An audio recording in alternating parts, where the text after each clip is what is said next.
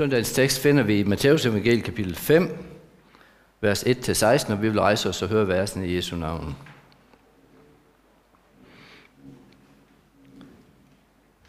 Da Jesus så skarne, gik han op på bjerget og satte sig, og hans disciple kom hen til ham, og han tog til ord og lærte dem. Salige er de fattige i ånden, for himmeriget er deres. Salige er de, som sørger, for de skal trøstes. Salige er de sagtmodige, for de skal arve jorden. Salige er de, som hunger og tørster efter retfærdigheden, for de skal mættes. Salige er de barmhjertige, for de skal møde barmhjertighed. Salige er de rene af hjertet, for de skal se Gud. Salige er de, som stifter fred, for de skal kaldes Guds børn.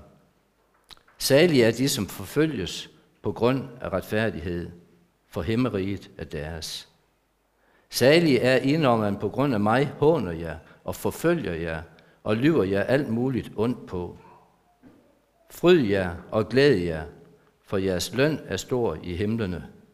Således har man også forfulgt profeterne før jer. I er jordens salt, men hvis saltet mister sin kraft, hvad skal det så saltes med? Det duer ikke til andet, end at smides ud og trampes ned af mennesker. I er verdens lys. En by, der ligger på et bjerg, kan ikke skjules. Man tænder heller ikke et lys og sætter det under en skæppe, men i en stage, så det lyser for alle i huset. Således skal jeres lys skinne for mennesker, så de ser jeres gode gerninger og priser jeres far, som er i himlene. Amen.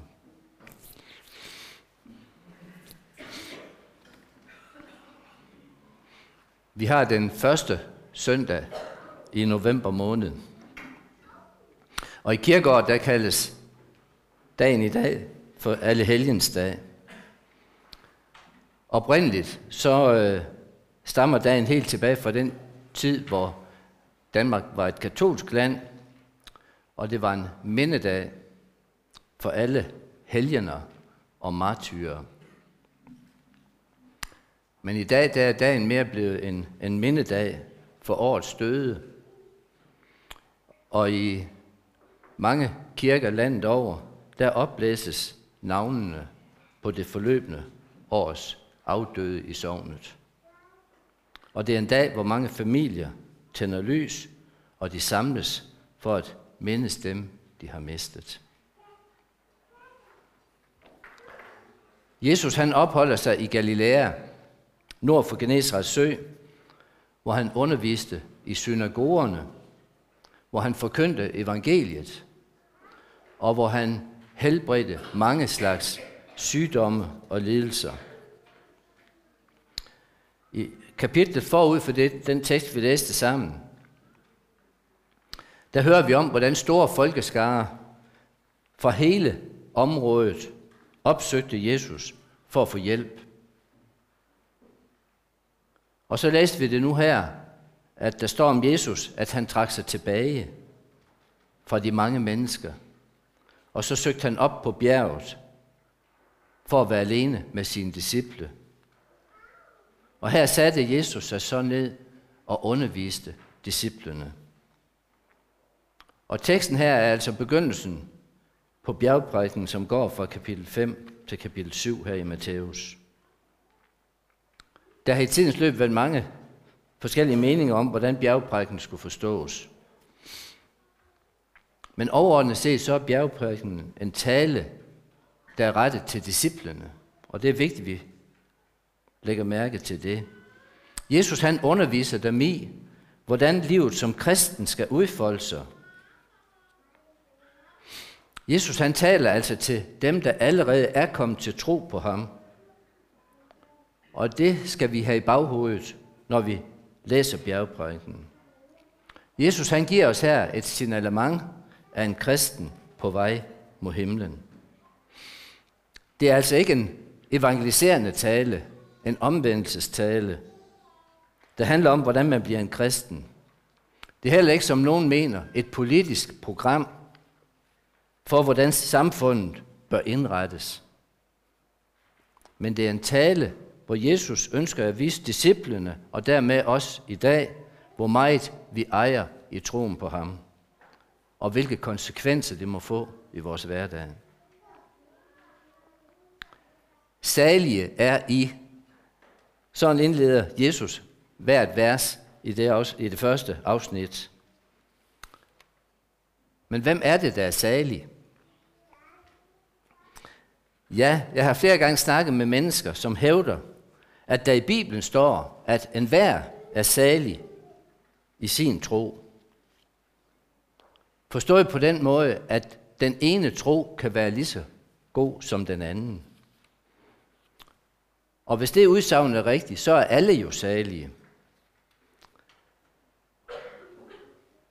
Mange folk tror, det er en bibelsk udsagn, men formuleringen står ikke nævnt i Bibelen. Det udtryk, en hver bliver salig i sin tro, det er ikke særlig gammelt udtryk. I hvert fald ikke så gammelt som Bibelens ord. Det er fra 1700-tallet, og det er formuleret af en, af en preussisk konge, Frederik den Store. Ja. Men mange mennesker tror, det er en bibelsk udsagn, og beroliger sig selv med det, en hver bliver salig i sin tro. Ordet salig er jo ikke et ord, vi går og bruger sådan i daglig tale. Det tror jeg, det færreste af os, der gør det. Men vi ved nok lidt om, hvad det betyder. Det betyder noget i retning af at være virkelig lykkelig, eller hjertens lykkelig. Altså et virkelig stærkt udtryk for at være lykkelig. Og fordi det ikke er så almindeligt brugt et udtryk, så er der også bibeloversættere, der har forsøgt at oversætte ordet salig med et mere nutidigt udtryk. I den oversættelse af Bibelen, der hedder Bibelen 2020, der bruges udtrykket, eller ordet, heldig. Ikke hellig, men heldig. Og, og, og det synes jeg bestemt ikke, der er et særligt velvalgt ord.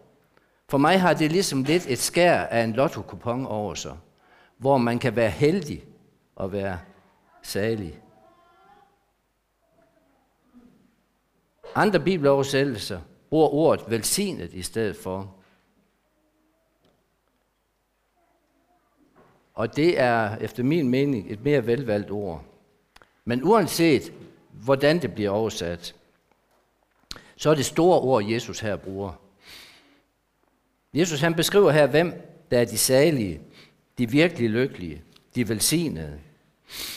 Men den falder ikke rigtig i tråd med den almindelige danskers opfattelse af det at være lykkelig. For den fremherskende tankegang i verden i dag er jo, at vi lever kun én gang, og derfor så er det vigtigt at have det godt menneskeligt og materielt for at være lykkelig. Det betyder rigtig meget for os mennesker at være lykkelige. Hvert år der bliver der ligefrem lavet en undersøgelse af, hvilket land i verden, der er det lykkeligste. Og i den undersøgelse, der ligger Danmark på en anden plads, kun overgået af Finland. Og i Danmark har vi ovenikøbet også et institut for lykkeforskning. Findes i København. Og vi har også et lykkemuseum i København. Så alt sammen er det noget, der fortæller os, hvor vigtigt det er for mennesker at være lykkelige her i livet. En gammel legende fortæller om en trane og en svane. En smuk svane kom en dag og slog sig ned ved bredden af en dam, hvor der i forvejen var en trane, som vadede omkring og ledte efter snegle. Tranen betragtede den smukke svane i stum forundring, og så spurgte tranen, hvor kommer du fra?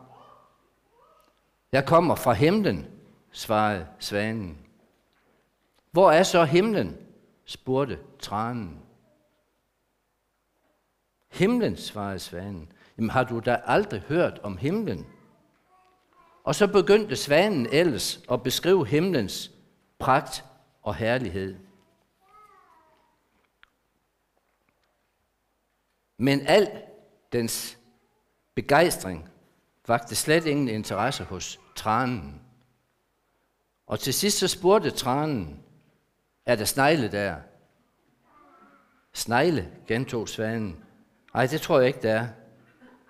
Så kan det være det samme, sagde tranen, mens den fortsatte sin søgen. Så kan du beholde din himmel for dig selv, for jeg vil have snegle. Det synes jeg faktisk er en lille fortælling, som rammer det her rigtig godt ind. Nogle gange kan vi nemlig også godt finde, finde på at opføre os som en trane, der leder efter snegle. Og så kan vi blive så optaget af alt her i livet, at vi helt taber målet af syne. Vi kan blive så optaget af at leve livet, at vi helt glemmer, hvad det er, Gud han ønsker at give os. Hvad det er, han skænker, ønsker at skænke os. Han har sat os ind i sit rige, gjort os til sine børn. Han har givet os søndernes forladelse for Jesus skyld. Den, som tager imod det og lever i det, får det for intet. Men det kan vi så let glemme. Og så siger Jesus det, salige er de fattige i ånden. Altså det stik modsatte af menneskers sådan traditionelle opfattelse af, hvad lykken er. Som er at have det godt, have styr på det hele, og at tingene lykkes. Jesus siger her, at de salige, det er de fattige. Det er dem, der mangler noget. Og her tænker Jesus ikke på økonomisk fattigdom, men på dem, der menneskeligt set er i underskud i forhold til Gud. Verset knytter til flere steder i det gamle testamente. For eksempel i salme 34, vers 19, hvor der står, Herren er nær ved dem, hvis hjerte er knust. Han frelser dem, hvis ånd er sønderbrudt. Jesus han ønsker altså ikke at romantisere fattigdommen og hævde, at det i sig selv er et mål at være fattig. Nej, Jesus han vil have noget helt andet frem. De mennesker, der er fattige i ånden, det er dem, der forstår, at de mangler det væsentlige i livet, og at det væsentlige ikke er noget, der kan købes for penge. Jesus han ønsker, at vi som mennesker må komme med to tomme hænder, når det gælder det væsentlige her i livet. Vi må have det som Augustin, en af oldkirkens fædre, der siger det til Gud. Mit hjerte er uroligt, indtil det finder hvile hos dig. Det er det menneske, der er salig, siger Jesus. Det menneske, der erfarer sin egen afmagt, og som ikke har noget som helst at bygge på i sit eget liv. For det er kun det menneske, der står med tomme hænder, der kan tage imod. En kristen karakteriseres ikke ved sine evner og sine kvaliteter, men ved sin afmagt og hjælpeløshed. Og det er nødvendigt, at vi erfarer afmagten og hjælpeløsheden, for at vi kan søge ind i Jesu nærhed, hvor vi får del i den sande rigdom. Den første særlige prisning her er ligesom fundamentet eller klippen for de andre otte. Det er et grundtræk, som er et afgørende kendetegn ved en kristen. Og det er nok også derfor, Jesus han nævner det, den øh, særlige prisning som det første. Vi er fattige. Vi står over for Gud som dem, der ingenting har. Det er de mennesker, der ikke slår til over for Gud, og som ved med sig selv, at de umuligt kan bestå for Gud på dommens dag med noget af deres eget. Det er til de mennesker, Jesus siger, velsignet er I, der mangler alt og får det hele foræret.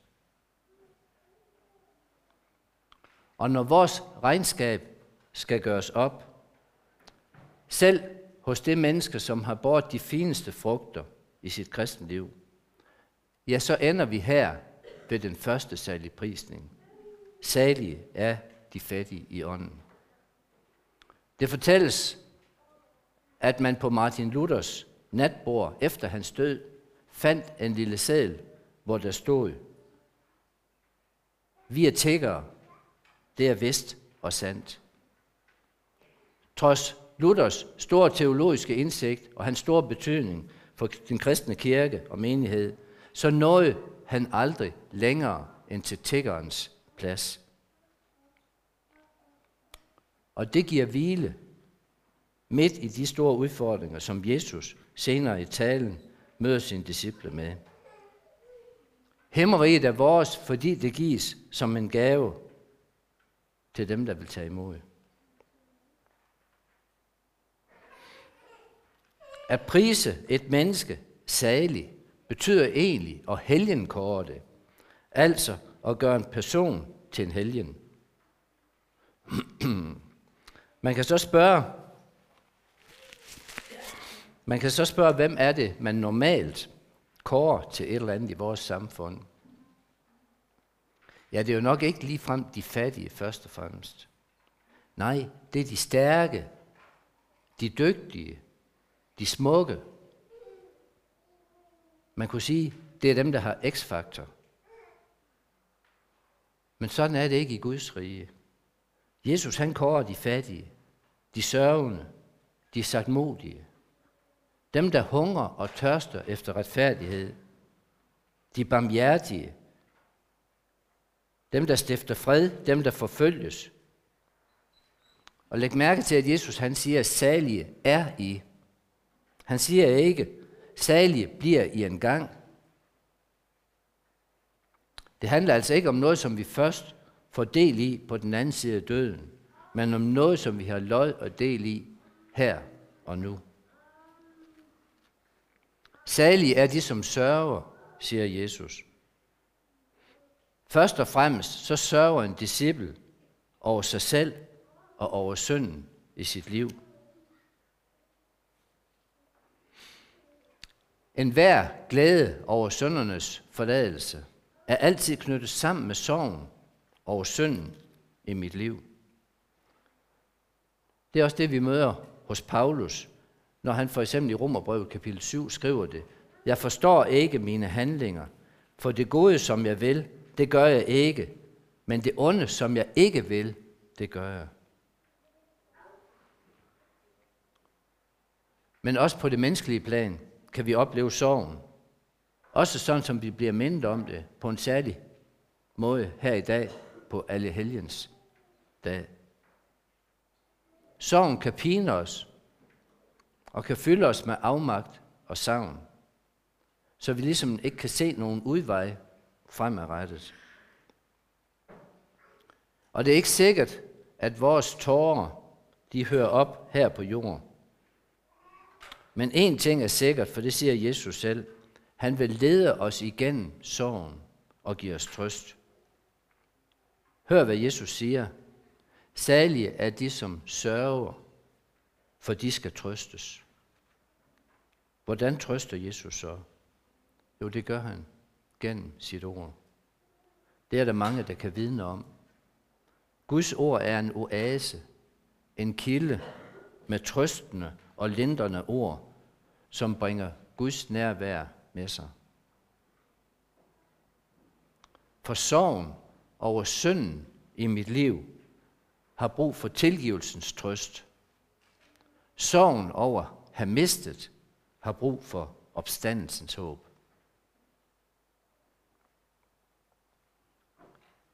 Særlig er de sagt modige. En disciple er tålmodig og ydmyg. Ikke fordi det falder ham eller hende let, men fordi vi følger ham, som sagt modig fandt sig i at blive latterliggjort, blive hånet og spyttet på, og til sidst korsfæstet.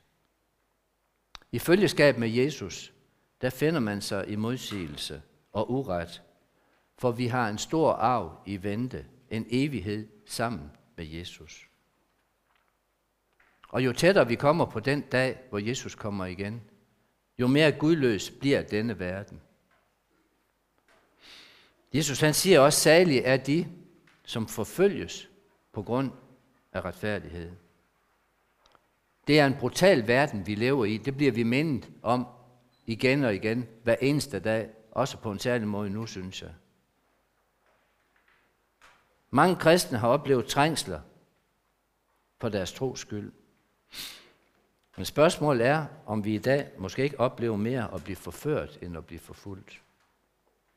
Vi lever jo i et frit land, hvor vi ikke forfølges i større stil hos os.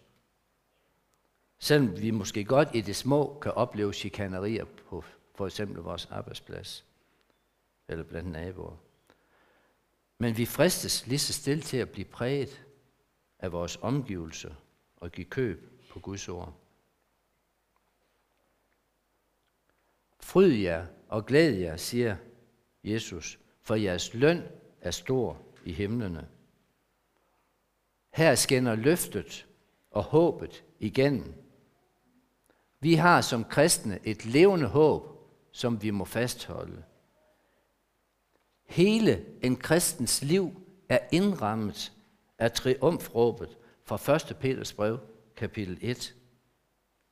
Det er de ord, der bliver sagt i forbindelse med dåben, og det er også det sidste, der bliver sagt begraven. Lovet være Gud, hvor Herre Jesu Kristi Far, som har genfødt os til et levende håb ved Jesu Kristi opstandelse fra de døde, til en uforgængelig og ukrænkelig og uvæsnelig arv, der ligger gemt i himlene til jer. Hører vi de fantastiske ord rigtigt? Genfødt til et levende håb ved Jesu Kristi opstandelse fra de døde. På korset der gik Jesus i stykker, da han led straffen for vores søn, og han døde af det. Og var det blevet ved det, ja, så havde det ikke været noget håb for os i dag at samles om. Men Gud oprejste Jesus igen, og ved Jesu opstandelse fra de døde er håbet blevet til virkelighed. Og fordi han lever og er her, så kan han række trøsten til dig og mig. Og fordi han lever og er her, så kan han åbne Guds rige for dig og mig. Og fordi han lever og altid vil leve, kan han føre os ind til den evige herlighed på den nye jord. Det kristne håb er en levende del og må være en levende del af vores hverdag. Men det kan så let fortone sig mellem dagligdagens mange forskellige gørmål. Og derfor må vi hjælpe hinanden med at fastholde håbet.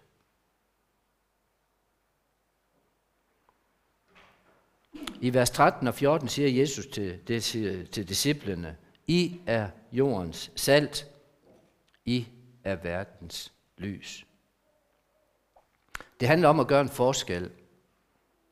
Det er sådan et meget almindeligt udtryk, som man hører i forskellige sammenhænge. For eksempel når nogen de bliver spurgt om, hvad vil I gerne med jeres liv? Vi vil gerne gøre en forskel. Men hvad er det for en forskel, man vil gøre? Ja, ofte så handler det måske i virkeligheden om noget helt andet. Måske så handler det om, at man gerne vil promovere sig selv og blive kendt. Hvem har ikke ønsket sig at være en kendt fodboldspiller eksempelvis? Skuespiller. Nu om dagen hedder det jo influencer eller lignende. Og det ønsker man næsten ligegyldigt, hvad man skal udsætte sig selv for. Men det er noget helt andet, Jesus han tænker på, når han taler til sine disciple om at gøre en forskel her i verden. I er jordens salt, I er verdens lys. Salt og lys gør jo virkelig en forskel. Hvis maden skal smage godt, så skal der salt til. Og det gør en stor forskel, om det er det eller ej. Før køleskaber og fryser, ja, der opbevarer man jo kødet ved at salte det. Og på den måde undgik man, at kødet gik i forøgelse. Og derfor var salt på Jesu tid også helt uundværligt. Lyset kan vi heller ikke undvære. Og slet ikke nu, hvor vi er på vej ind i en mørk tid. Tænk, hvis vi ikke havde lys i vores hus derhjemme, på gaden, ja, så vil alt gå i stå. Men nu tænder vi lys i mørke, og så kan tingene fungere. Jo salt og lys gør en stor forskel. Det ser ikke ud af så meget, men vi kan ikke undvære det. Og nu siger Jesus så om hans disciple, at de er lys og salt i denne verden, med streg under er, som vi også hørte det ved børneindslaget før. Og det kan være svært at forstå, fordi det strider mod de faktiske forhold, når vi ser på, vores, på os selv, på vores eget liv. Vi kunne nok bedre forstå det, hvis der havde stået noget i retning af, at vi burde være jordens salt og verdens lys. Men som vi lige har hørt det, så priser Jesus ikke dem salige, der er fuldkommende i Guds rige, men netop dem, der, må, der med bedrøvelse må erkende, at de er fattige på disse ting, og i stedet for må tage deres tilflugt til Jesus. Disciplene var ligesom os ganske almindelige mennesker. De svigtede Jesus, når det galt. Og det var bestemt ikke de mest fremtrædende og bedst kvalificerede mennesker, Jesus havde udvalgt. De var faktisk sådan, som Paulus han udtrykker det i 1. Korintherbrev kapitel 1. Tænk på, brødre, hvordan det var med jer selv, da I blev kaldet. I var ikke mange vise i værstlig forstand. Ikke mange mægtige. Ikke mange fornemme. Men det, som er dårskab i verden, udvalgte Gud, for at ingen skal have noget at være stolt af over for Gud. Jesus måtte lære disciplene, at det var noget andet, han mente, når han sagde, I er jordens salt, og I er verdens lys. Og ud fra ordene i bjergprædiken, så lærte Jesus disciplene, og dermed også i dag, hvad de var i kraft af ham. Jesus gjorde den forskel, som betød det hele. Disciplene skulle saltes af ham. Jesu lys skulle skinne på dem, så det kunne mærkes og ses af andre. Jordens salt og verdens lys. At gøre en forskel ved at være Jesu disciple, det er det, Jesus kalder os til i dag. Men så må vi også være klar over, at den kraft, der er i saltet og i lyset, det skal lyse. Det har vi ikke i os selv. Det kommer fra Jesus. Det er som månen, der skinner i kraft af solens stråler. Vores lys, vores kraft kommer fra ham, som selv er verdens lys. Fra ham, som gav sit liv i kærlighed til os, for at rense os for alle vores sønder. Ham, som døde, men stod op igen påskemorgen, og som lever i dag hos os i sit ord og ved sin ånd. Og så slutter Jesus af med også en advarsel. Han advarer sine disciple, og dermed os, der lytter i dag. For han siger, at saltet kan miste sin kraft, så det ikke er salt længere. Og lyset kan slukkes eller skjules, så det ikke længere kan ses. Det må ikke ske for os, og derfor er det så vigtigt, at vi trofast lader os fylde af Guds ord det er vigtigt, at vi lever Jesus nær, som han siger det i lignelsen om vintræet og grenene i Johannes evangelie kapitel 15. I er allerede rene på grund af det ord, jeg har talt til jer. Bliv i mig, og jeg bliver i jer. Grenen kan visne, grenen kan knække af, saltet kan miste sin kraft, lyset kan slukkes, men kun hvis vi kommer væk fra Jesus og ikke lever vores liv med ham. Det kristne liv er ikke en ventesal, hvor vi sidder passivt og afventer, at Jesus kommer igen. Nej, når vi går herfra i dag, så sender Jesus os ud i livet igen til en hverdag sammen med andre mennesker, hvor han ønsker at bruge os til at gøre en forskel. til at vise kærlighed og omsorg, og til at vise vej for andre ind i Guds rige. Amen. Vi skal bede sammen.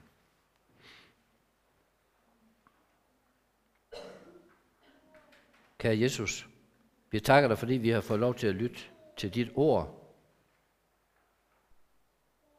Tak, fordi vi får lov til at have al vores salighed og lykke i dig.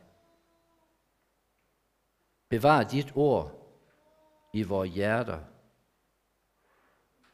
og lad det præge os i den hverdag, vi skal ud i, hver især. Så vi er lys og salt for dem, som du har sat os iblandt. Amen.